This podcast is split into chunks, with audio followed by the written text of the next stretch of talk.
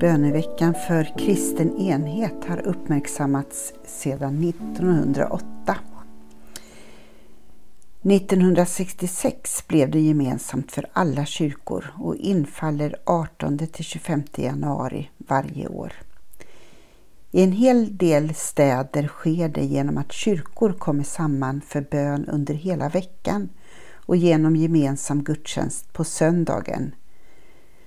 I år var det ju i söndags den 21 januari. Det är en massiv och gemensam bön som världens knappt 2,5 miljarder kristna bjuds in att delta i.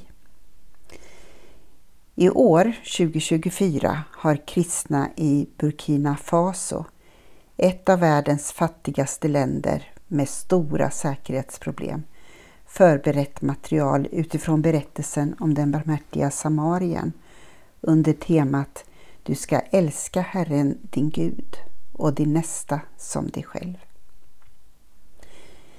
När jag var ung sjöng vi en sång som hade texten Det är kärlek som världen behöver.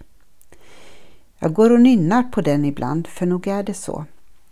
Arbetet för kristen enhet, att i kärleken till och från Gud också ta in sin nästa, även den som kanske inte känns som min nästa på grund av skillnader i åsikter, tro eller liv, bygger vi eller väver vi bit för bit samman mänskligheten. Det är ett arbete som börjar i min vardag och min närhet och som för oss samman som mänsklighet till en mänsklighet. Kyrkornas världsråd bildades 1948 och samlar 348 kyrkor från över 100 länder. Huvudkvarteret finns i Genève och man arbetar i olika kommissioner och som också är ursprunget till Kyrkornas världsråd. Det handlar om liv och arbete, tro och lära samt mission och evangelisation. I världsrådet möts ortodoxa troende, protestanter och anglikaner. Den romerska katolska kyrkan är inte medlemmar i rådet, däremot i kommissionen för tro och lära.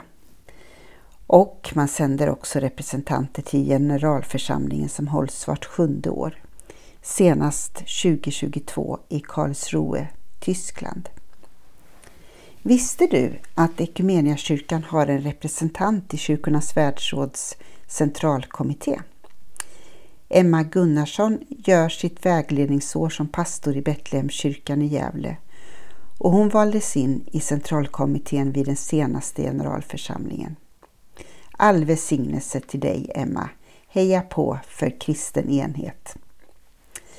Det är oerhört svindlande vad kyrkorna i världen kan åstadkomma när vi söker enhet. Den enhet vi har i Kristus. Det är fredskapande och sammanvävande i en värld där vi är många som är beroende av att vi just lever samman. Så låt oss be för enhet. Gud, vi ber för den världsvida kyrkan och idag särskilt för de ekumeniska relationer som kyrkan finns i i Sverige och internationellt. Tack för alla i vår kyrka som bidrar i ekumeniska sammanhang. Vi ber om att få fortsätta att utmana och utmanas till enhet i Kristus för världens skull. Vi ber också för Kyrkornas världsråds arbete i världen, de många projekt och samarbeten som sker mellan olika kyrkofamiljer. Idag ber vi särskilt för kyrkornas arbete med att motverka HIV och AIDS. Vi ber för de 38 miljoner människor som lever med HIV.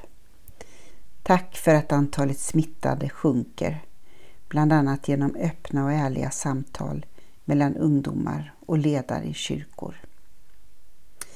Jesus Kristus, sänd oss i din frid, med din fred över hela jorden.